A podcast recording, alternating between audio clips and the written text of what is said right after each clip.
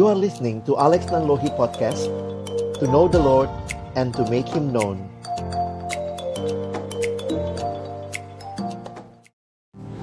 Mari kita berdoa sebelum membaca merenungkan firman Tuhan Bapa di dalam surga kami bersyukur kepadamu buat cinta kasih dan anugerahmu di dalam hidup kami Kembali pada hari ini Tuhan beri kesempatan bagi kami untuk menikmati ibadah. Kami telah memuji namamu ya Tuhan. Tiba waktunya bagi kami untuk membuka firman-Mu. Kami mohon biarlah waktu kami membuka firman-Mu bukalah juga hati kami. Jadikanlah hati kami seperti tanah yang baik. Supaya ketika benih firman Tuhan ditaburkan boleh sungguh-sungguh berakar, bertumbuh, dan juga berbuah nyata di dalam hidup kami. Berkati baik hambamu yang menyampaikan setiap kami yang mendengar Tuhan tolonglah kami semua Agar kami bukan hanya menjadi pendengar-pendengar firman yang setia Tapi mampukan kami dalam masa muda kami Kami dimampukan menjadi pelaku-pelaku firmanmu Di dalam hidup kami Bersabdalah ya Tuhan Kami anak-anakmu sedia mendengarnya Di dalam satu nama yang kudus Nama yang berkuasa Nama Tuhan kami Yesus Kristus Kami menyerahkan pemberitaan firmanmu Amin. Shalom. Selamat siang teman-teman sekalian. Saya bersyukur boleh melayani kalian pada hari ini. Ada pepatah mengatakan tak kenal maka tak sayang ya. Sudah kenal sih belum tentu disayang. Saya kenalan dulu, nama saya Alex Nanlohi. Saat ini saya melayani bersama dengan pelayanan siswa dan mahasiswa Kristen di Jakarta. Dan ini kesempatan sudah sekian lama ya, uh, Alex nggak ke SMA 12 bisa ketemu lagi dengan adik-adik di tempat ini. Saya alumni dari Universitas Indonesia, jurusan ilmu komunikasi. Tapi saya selesai kuliah jauh waktu tahun 90-an. Mungkin kalian belum ada yang lahir kali ya. belum ya. Lalu kemudian Tuhan memanggil saya menjadi hamba Tuhan, jadi saya meyakini ada panggilan yang Tuhan berikan setelah melewati ujian yang panjang. Tuhan bawa saya masuk bergabung dengan pelayanan. Saya melayani sejak tahun 98. Keliling sekolah, kampus di Jakarta. 98 belum lahir juga? 2000. 2000-an baru lahir ya. Um, untuk itu Kak Alex akhirnya studi teologi ya saya ambil studi teologi waktu itu di Inggris untuk satu setengah tahun studi di sana dalam bidang misi dan kemudian saya kembali ke Indonesia dan sekarang melayani uh, bersama-sama dengan teman-teman di pelayanan siswa dan mahasiswa. Oke, okay, um, saya sudah menikah, istri hanya satu, kami belum dikaruniai anak, jadi istri saya juga sama-sama melayani Tuhan di dalam pelayanan siswa dan mahasiswa juga. Oke, itu perkenalan singkat. Lebih jauh silakan hubungi nomor di bawah ini. Iya, kalau mau follow IG boleh at uh, alexnanlohi74 gitu ya. Nanti bisa lihat di situ beberapa hal juga uh, saya banyak melayani juga di dalam media, jadi kalian bisa cek juga untuk pelayanan di IG, di Spotify juga ada at uh, Alex Nanlohi gitu ya. Bisa cari kalau yang senang dengar podcast, mau terus bertumbuh, ya boleh sama-sama ya. Baik, siang hari ini Kalex dapat tema tentang watch out. Ya. Nah, kita mau lihat sama-sama satu bagian firman Tuhan. Saya aja kita lihat Markus 14. Kalau kalian bawa kitab suci atau handphone sucimu gitu ya, tab suci. Markus 14 kita akan lihat ayat 32 sampai ayat 41. Markus 14 ayat 32 sampai ayat 41 kita baca bergantian. Kalex baca ayat 32, teman-teman adik-adik sekalian baca 33, kita bergantian sampai ayat yang ke-41. Judulnya di Taman Getsemani, lalu sampailah Yesus dan murid-muridnya ke suatu tempat yang bernama Getsemani. Kata Yesus kepada murid-muridnya, "Duduklah di sini sementara aku berdoa."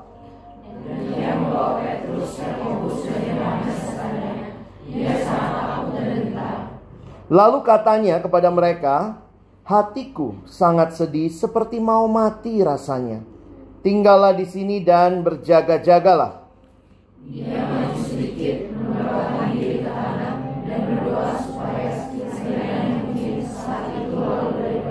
Katanya, Ya Abah, ya Bapa, tidak ada hal, tidak ada yang mustahil bagimu. Ambillah cawan ini daripadaku tetapi janganlah apa yang aku kehendaki, melainkan apa yang engkau kehendaki." Setelah itu dia datang kembali dan mendapati ketiganya sedang tidur. Dan dia berkata kepada Petrus, Simon, sedang tidurkah engkau? Tidakkah engkau sanggup berjaga-jaga satu jam? Berjaga-jagalah dan berdoalah. Ini ayat yang jadi temanya ya. Watch out. Berjaga-jagalah dan berdoalah supaya kamu jangan jatuh ke dalam pencobaan. Roh memang penurut tetapi daging lemah. Dan. Dan ketika ia kembali pula, ia mendapat, mendapati mereka sedang tidur, sebab mata mereka sudah berat, dan mereka tidak tahu jawab apa yang harus mereka berikan kepadanya. Kemudian ia kembali untuk ketiga kalinya dan berkata kepada mereka, Sekarang dan cukuplah, saatnya sudah tiba. Lihat, anak manusia diserahkan ke tangan orang-orang berdosa. Nah, tertinggal satu ayat 42 Abang baca ya. Bangunlah, marilah kita pergi, dia yang menyerahkan aku sudah dekat. Saya mulai dengan pertanyaan bagi kita semua. Pengen nggak sih hidup nggak punya masalah? Nah, pengen ya. Tapi sayangnya nggak ada hidup yang tanpa masalah. Selama kamu hidup, maka pasti ada masalah. Saya melayani beberapa siswa yang karena punya pergumulan akhirnya macam-macam lah tingkahnya. Mulai dari cari-cari perhatian ya. Bisa kelihatan tuh yang gayanya banyak di sekolah padahal di rumah tuh kayaknya tertekan gitu ya. Di sekolah lah pelampiasannya. Ada lagi yang suka sekarang ini ya. Nyayat-nyayat tangannya sendiri gitu. Ada lagi bahkan yang pernah bilang dia mau coba bunuh diri. Kalau nyayat tangan sih belum coba bunuh diri itu ya. Itu cuma dapat sensasi perasaan tengnya katanya ya. Lalu kemudian ada yang sudah coba bunuh diri. Saya ketemu ada siswa yang sudah tiga kali coba bunuh diri gagal terus. Saya tanya sama dia, ngapain kamu coba itu? Terus dia bilangnya dengan sederhana, ya ngapain gua hidup kak? Tidak ada yang perhatiin saya. Jadi kadang-kadang kalau Kalex berpikir, kalau kamu bunuh diri pun, kamu nyisain masalah buat yang nguburin kamu. Gitu ya. Tidak ada hidup yang tanpa masalah. Karena itu, mari hadapi hidup yang bermasalah ini. Saya tidak mau mengkhotbahkan hidup tanpa masalah karena Alkitab kita pun tidak pernah mengajarkan itu. Kalau kamu mau hidup tanpa masalah, sebenarnya kamu tidak realistis. Karena hidup itu selalu ada masalah, ada pergumulan. Karena itu, yang realistis itu begini. Mari hadapi hidup itu, tapi hadapinya dengan apa? Atau hadapinya dengan siapa? Itu saya pikir kekuatan bagi kita di dalam kehidupan. Nah, teman-teman yang dikasihi Tuhan, bagian yang baru kita baca itu adalah pergumulan Yesus di Taman Getsemani. Beberapa penafsir Alkitab mengatakan sebenarnya kemenangan yang sesungguhnya Yesus temukan atau Yesus alami justru di Taman Getsemani. Bayangkan ketakutannya. Mungkin kamu pikir, loh katanya dia Allah, kenapa dia takut? Tapi juga ingat, Yesus adalah manusia sejati. Sebagai manusia sejati, dia punya pergumulan. Dan pergumulan dia sangat takut. Tapi sesudah taman Getsemani, lihat ya, dia begitu berani ke salib. Yesus bukannya waktu mau disalib itu, aduh takut nih, gede banget kayunya, enggak ya? Karena itu ditanyakan di mana dia menikmati kemenangan yang sesungguhnya. Nampaknya di taman Getsemani. Perhatikan kalimatnya, dia bahkan berdoa, jika mungkin cawan ini lalu. Tapi kalimat terakhir menarik, jangan kehendakku, tapi kehendakmu. Jadi siang ini Kalex ingin kita belajar empat hal saja. Bagaimana menghadapi pergumulan hidup. Kita nggak pernah tahu apa yang ada di depan kita. Tapi yang kita mau tahu bahwa ada Allah yang menyertai kita. Karena itu empat hal yang saya ingin kita renungkan dari cerita Tuhan Yesus tadi. Bagaimana sih hidup secara realistis menghadapi pergumulan yang ada? Pertama, watch out. Bahasa Inggrisnya pakai istilah watch atau pakai istilah bahasa Indonesia berjaga, jagalah. Apa sih istilah ini? Maksudnya buka matamu lebar-lebar, perhatikan situasi di sekelilingmu. Itu yang Tuhan Yesus bilang kepada murid-muridnya di ayat yang ke-38 tadi. Berjaga-jagalah. Maksudnya jangan ngantuk. Memang waktu itu konteksnya muridnya pada ngantuk ya. Tapi poin saya begini. Di dalam kehidupan kamu harus berjaga-jaga senantiasa waspada akan apa yang terjadi di sekitarmu.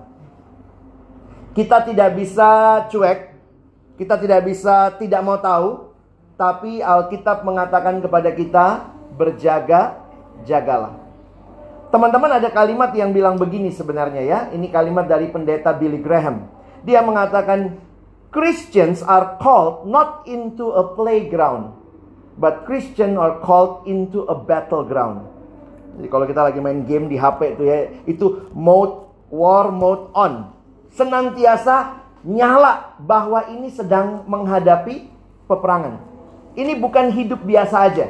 Berjaga-jagalah. Banyak orang yang tidak berjaga-jaga, saya melihat justru dia tidak bertahan di dalam kehidupan. Orang yang pintar, titik lemahnya kadang-kadang merasa diri pintar. Itu titik lemahnya orang itu. Karena itu kalau mau ujian nggak belajar. Jadi saya melihat setiap kita pasti punya kekuatan, tapi banyak juga dari kita kekuatan itu sekaligus kelemahan. Wah dia anaknya pintar ngomong, tapi karena dia banyak ngomong kata Alkitab di dalam banyak bicara terdapat banyak pelang pelanggaran. Jadi hati-hati itu yang merasa pintar ngomong. Yang diem ternyata juga dalam diemnya bisa jadi mendem. Gitu ya. itu yang namanya marah dingin. Marah dingin itu katanya singkatannya malanggis. Marah lama nggak habis-habis. Gitu ya. Dipendem gitu ya. Lihat orangnya hmm, diem dia tapi dalam hati uh nggak habis-habis. Ada lagi yang katanya marah panas. Marah panas itu singkatannya lamadak ceretus. Langsung marah meledak, cepat ribut, meletus. Setiap kita harus berjaga-jaga. Tuhan mengingatkan kita, ingat di dalam dunia ini kamu menghadapi banyak pergumulan. Berjaga, jagalah. Kalimat lain coba lihat 1 Petrus 5. Teman-teman lihat sebentar ya. Kalex ingin kita lihat 1 Petrus 5. Coba lihat ayat yang ke-8. 1 Petrus 5 ayat yang ke-8 dan 9. Kita baca sama-sama ya. Satu dua ya.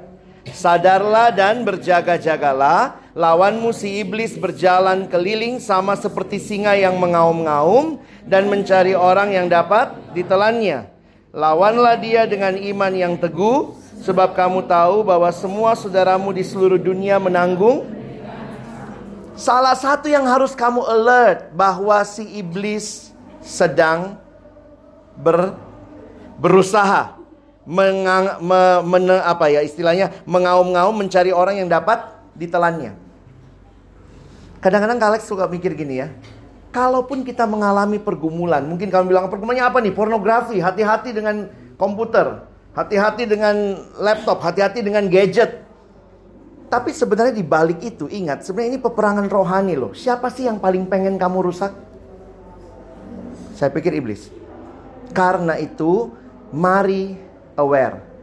Ini bukan cuma pergumulan, ah gue laki ini pergumulannya pornografi nih. Tapi betul-betul menyadari, ini peperangan rohani, karena itu berdoa. Saya pikir nanti itu langkah kedua yang kita pelajari dari teladan Yesus ya.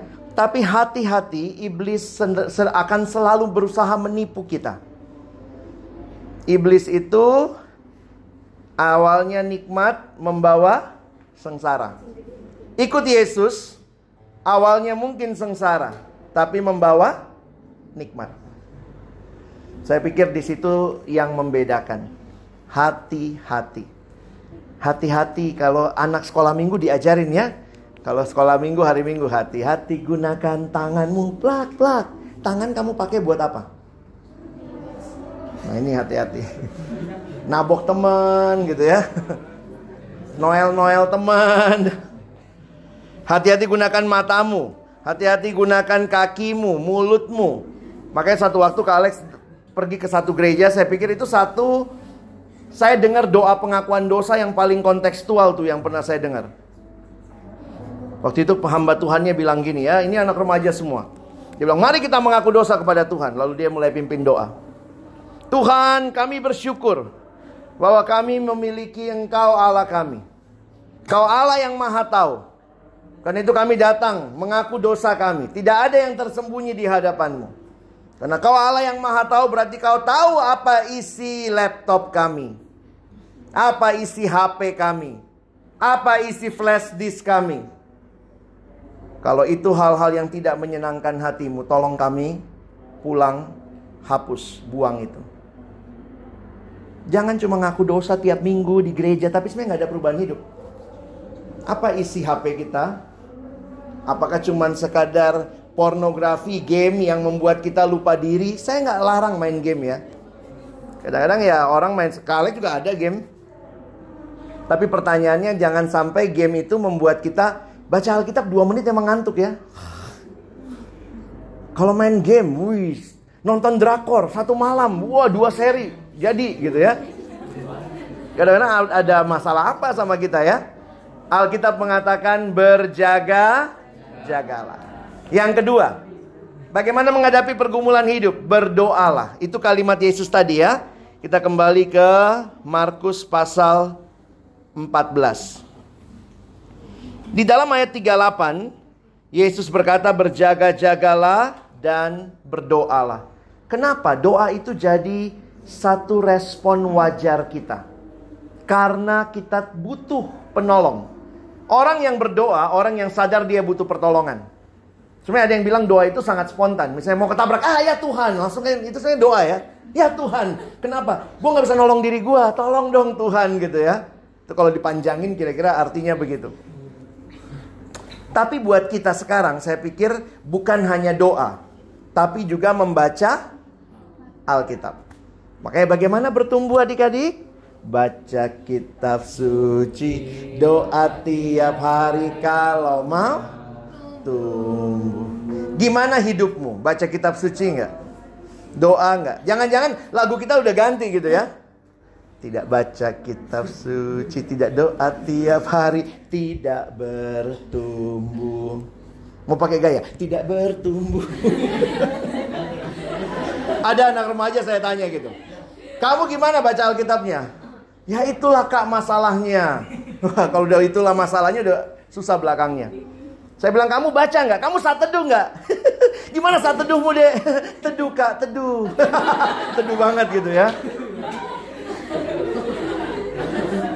Gimana mau bertahan? Ingat loh kalimat Alkitab. Kadang-kadang kalian hayati apa sih?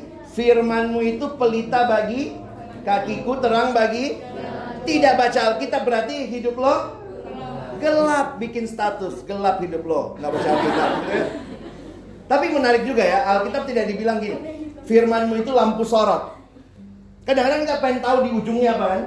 Eh gue sama siapa, anak gue berapa gitu. Tapi dikatakan firman Tuhan itu pelita. Pelita itu paling semeter dua meter di depan. Ada apa lagi dua meter ke depan? Taat dulu jalan sampai sini, kebuka lagi ke depannya. Taat lagi, baru kebuka lagi. Saya pikir firman Tuhan tidak kita baca sekali seumur hidup. Saya udah baca Alkitab kak, selesai. Tapi sesuatu yang kita baca setiap hari. Makanya waktu ditanya, gimana kalau evaluasi hidupmu berdasarkan lagu itu? Baca kitab suci, pernah kak? Doa pernah, masalah gue tiap harinya kak. Baca kitab suci, doa tiap hari kalau mau tumbuh. Mari kita serius. Ketika kau mau jaga hidupmu di tengah pergumulan, yang menguatkan kita apa sih? Saya pikir firman Tuhan yang memberikan kita setiap hari kekuatan rohani. Karena itu, beri waktu selalu membaca firman dan ber doa. Saya pikir itu kekuatan. Jangan jangan gini ya. Kalau mau ulangan kayaknya rajin doa tuh. Doa, baca Alkitab, terus ya, Tuhan gue udah baca nih. Kebangetan kalau nggak berkati ulangan gue. Tuhan bilang lu nyari gue kayak Tuhan tuh cuma kayak jimat sewaktu-waktu dibutuhkan. Enggak. Firman Tuhan adalah relasi kita dengan dia. Ya. Jadi selalu beri waktu. Coba Kak Alex tanya, apa bedanya sisa sama sisi? Sisa sama sisi. Satu pakai A, satu pakai I. Itu nenek-nenek juga tahu.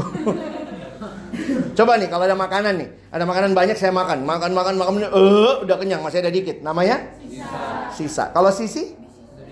Dari awal sebelum makan di sisin dulu. Numpang tanya, lebih terhormat dikasih makanan sisa apa sisi? Sisi. Serius. Kemarin kuah Indomie orang aja mau. lebih terhormat. ya saya enak sih. lebih terhormat dikasih makanan sisi ya. Sekarang pertanyaannya gini deh. Waktu yang kalian kasih sama Tuhan setiap hari itu waktu sisa atau sisi? Ada siswa jawab, waktunya apa?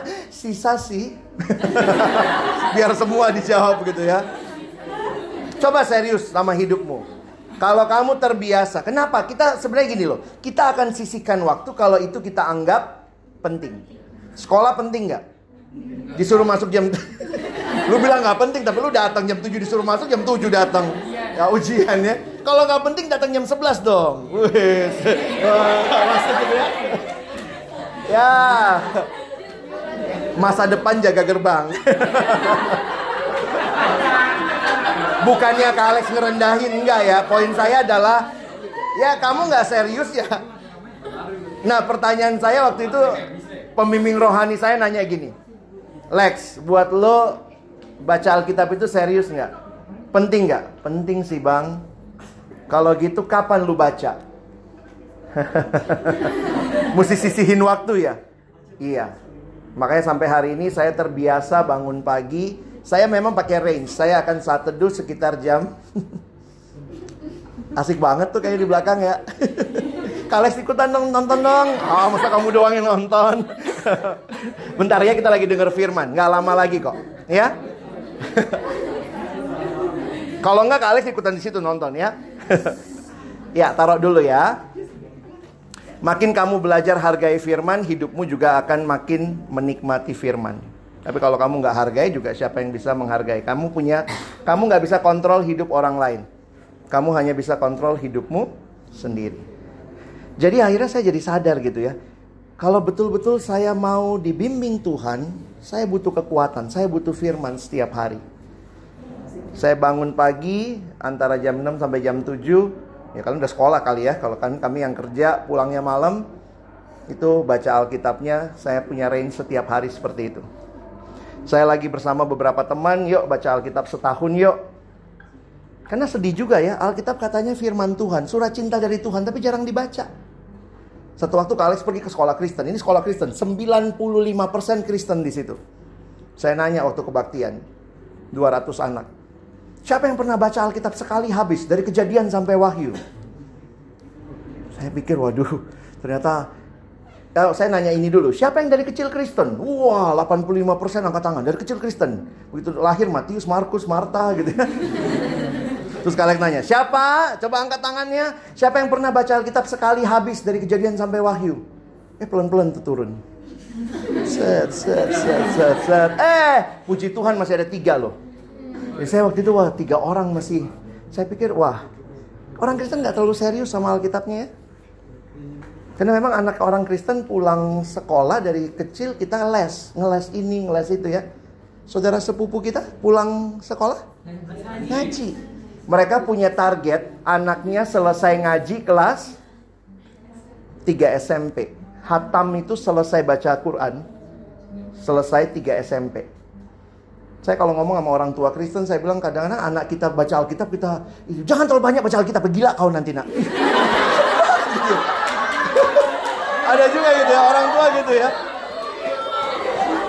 Yang batal lagi, apa kau baca-baca Alkitab, belon kau nanti gitu ya. Jadi ini jadi pergumulan. Orang tua Kristen nggak terlalu bangga anaknya selesai baca Alkitab gitu ya. Oke, sudah berapa tuh? Dua ya. Kita lihat yang ketiga. Yang ketiga, cari temen, cari komu, komunitas. Itu yang saya lihat Tuhan Yesus kenapa dia ngajak Petrus, Yakobus, Yohanes gitu ya, bersama-sama dengan dia. Teman-teman, kita bukan single fighter. Kamu bukan hidup seorang diri. Belajarlah membutuhkan orang lain. Kadang-kadang kan begini ya. Kita merasa orang lain itu nyusahin hidup kita. Tapi juga tanpa kita sadari mungkin kita sedang nyusahin hidup orang lain. Ya udahlah mendingan sama-sama saling nyusahin gitu ya. Tapi sama-sama bertumbuh. Makanya saling berdoa. Alkitab mengatakan besi menajamkan besi, manusia menajamkan, orang menajamkan sesamanya. Jadi saya harap kita serius dengan persekutuan kita. Belajarlah terbuka sharing ya. Belajar untuk punya kelompok yang bisa mendoakan. Saya bersyukur sampai hari ini teman-teman kami Rokris saya rokrisnya dulu di daerah SMA Negeri 1 Makassar. Tapi kami sampai hari ini masih punya grup rokris dan masih saling mendoakan lah. Tiap hari ada yang misalnya sharing pokok doa, ada yang sharing renungan setiap pagi. Saya pikir salah satu masa yang paling indah yang saya nikmati adalah waktu saya ada di Rokris. Dan itu adalah saudara-saudara yang Tuhan berikan kepada saya di dalam iman. Terakhir yang keempat. Perhatikan ayat 36. Yuk teman-teman baca lagi ayat 36 tadi ya. Markus 16 eh Markus 14 ayat yang ke-36. 1 2 Iya. Katanya, "Ya Aba, ya Bapa, tidak ada yang mustahil bagimu. Ambillah cawan ini daripadaku, tetapi jangan apa yang aku kehendaki, melainkan apa yang engkau kehendaki." Teman-teman, di dalam hidup you need to have a clear purpose of life. Apa tujuan Yesus? Menggenapkan rencana Allah. Bukan apa yang ku kehendaki. Sebenarnya kalau kita lihat di situ kayak Yesus mau nyerah ya. Tuhan kalau bisa nggak usah lewat salib deh. Bisa nggak sih menyelamatkan manusia tanpa lewat salib? Makanya dia berkata, Tuhan jikalau mungkin cawan ini lalu daripadaku. Tapi kalimat berikutnya, jangan kehendakku tapi kehendakmu. Kamu bisa bertahan dalam hidup kalau kamu punya clear purpose. Your life is only to please God. That is your only goal in life. Jadi kita akan terus menghadapi pergumulan. Kalex tidak ya sangat yakin tidak ada hidup tanpa pergumulan. Tapi Tuhan memberikan empat hal ini buat kita. Berjaga-jaga, aware, berdoa. Nah ini jadi menarik ya berjaga-jaga seolah-olah memang ini bagian kita. Tapi berdoa seolah-olah ini kita serahkan kepada Tuhan. Memang selalu kayak koin punya dua sisi. Ada bagian kita, ada bagian Allah. Yang ketiga kamu butuh komunitas. Dan yang keempat ingat selalu tujuan hidupmu. Kalau ada yang masih mikir-mikir, aduh mau bunuh diri. Lalu ingat, apa tujuan Tuhan buat saya? Ada nggak sih dari kita yang Tuhan ciptakan kebetulan? Kekristenan nggak kenal kebetulan loh. Saya mikir gitu ya. Ada nggak begitu kita lahir terus Tuhan kaget? Ih kok ada? kalau begitu, kalau semua kita lahir Tuhan tahu, maka perhatikan pasti Tuhan punya ren rencana. Makanya keindahan hidup bukan mencapai apa, tapi kamu sedang berjalan bersama siapa. Saya studi di Inggris saya banyak juga pelayanan ke luar negeri waktu itu. Waktu di Inggris saya diundang ke beberapa tempat. Dulunya saya bangga gitu ya. Wah asik gitu ya. Tapi akhirnya saya mikir gini. Kalau cuman yang dibanggakan pernah ke mana. Bukan itu kebanggaan sejati. Makin lama saya belajar melihat.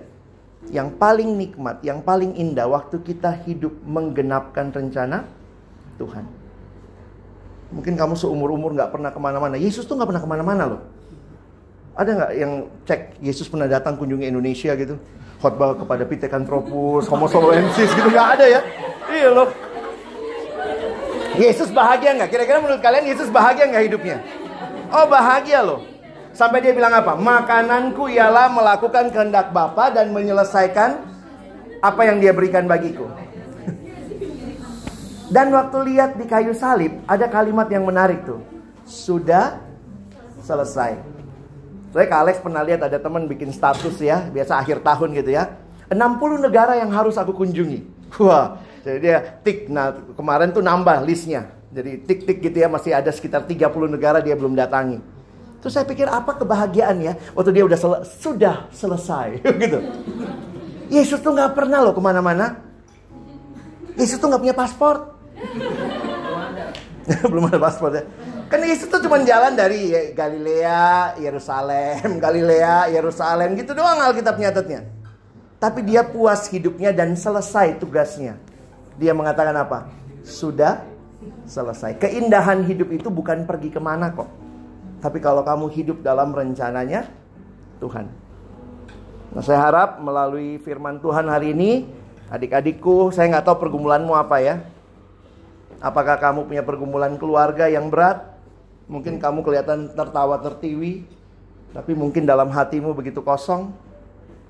Kemarin Kak Alex ketemu satu teman. Nanti kalian cek lah ya di IG saya. Abang ini, Koko ini, saya ketemu waktu dia SMA kelas 2 dalam satu retret. Maaf ya saya bocorin ceritanya dia dia sebenarnya lagi mau nulis buku gitu ya. Dia saya ketemu SMA kelas 2. Dia salah satu survivor yang hidup di dalam peristiwa tsunami Aceh. Dia punya papa, mama dokter. Dia tiga bersaudara, laki-laki semua. Dia paling tua. Adiknya dua laki-laki. Tsunami Aceh merenggut semua keluarganya. Papa meninggal, mama meninggal, dua adiknya juga. Kayaknya nggak ketemu mayatnya. Karena keseret tsunami, cari tidak ada dikirim dari Aceh sekolah ke Jakarta. ke Alex ketemu dia dalam satu retret sekolah.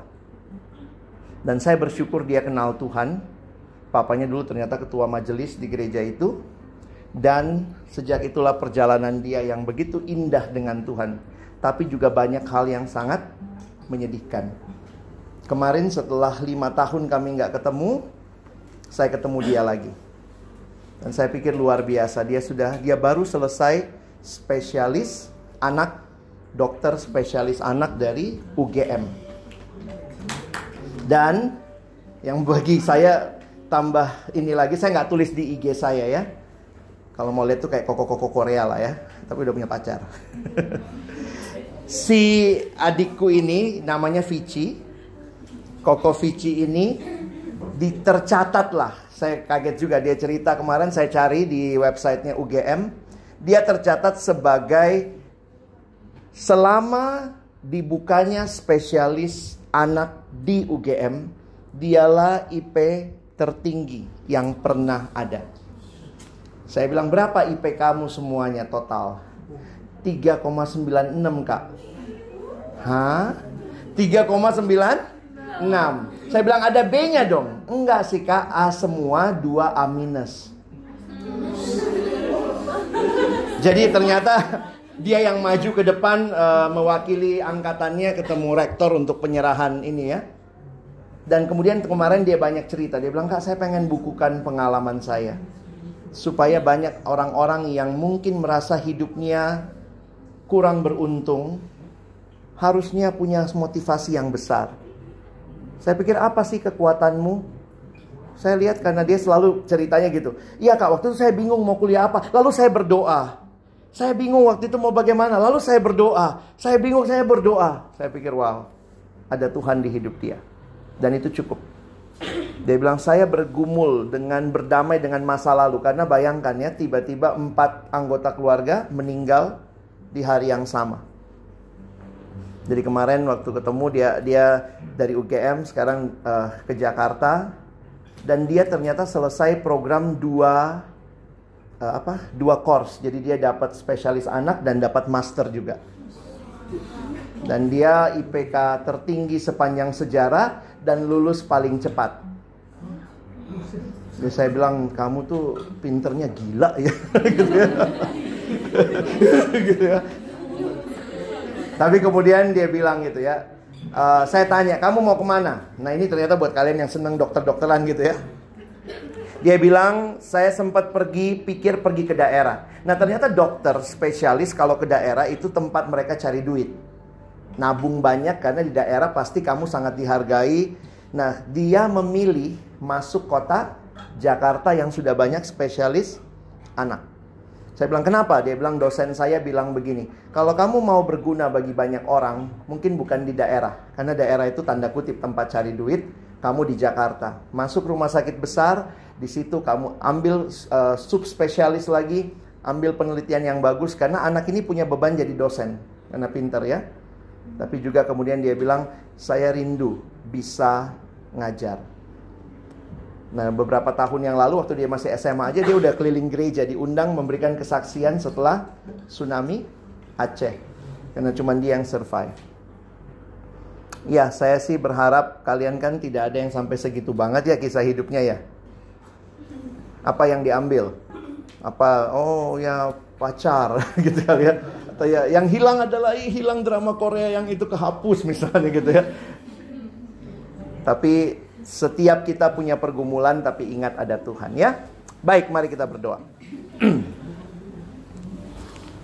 Tuhan, terima kasih banyak buat firman-Mu, pergumulan Yesus yang begitu dalam.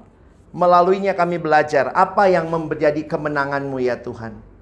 Sebagaimana kau mengatakan pada murid-muridmu, bagi kami juga berjaga-jagalah. Berdoalah.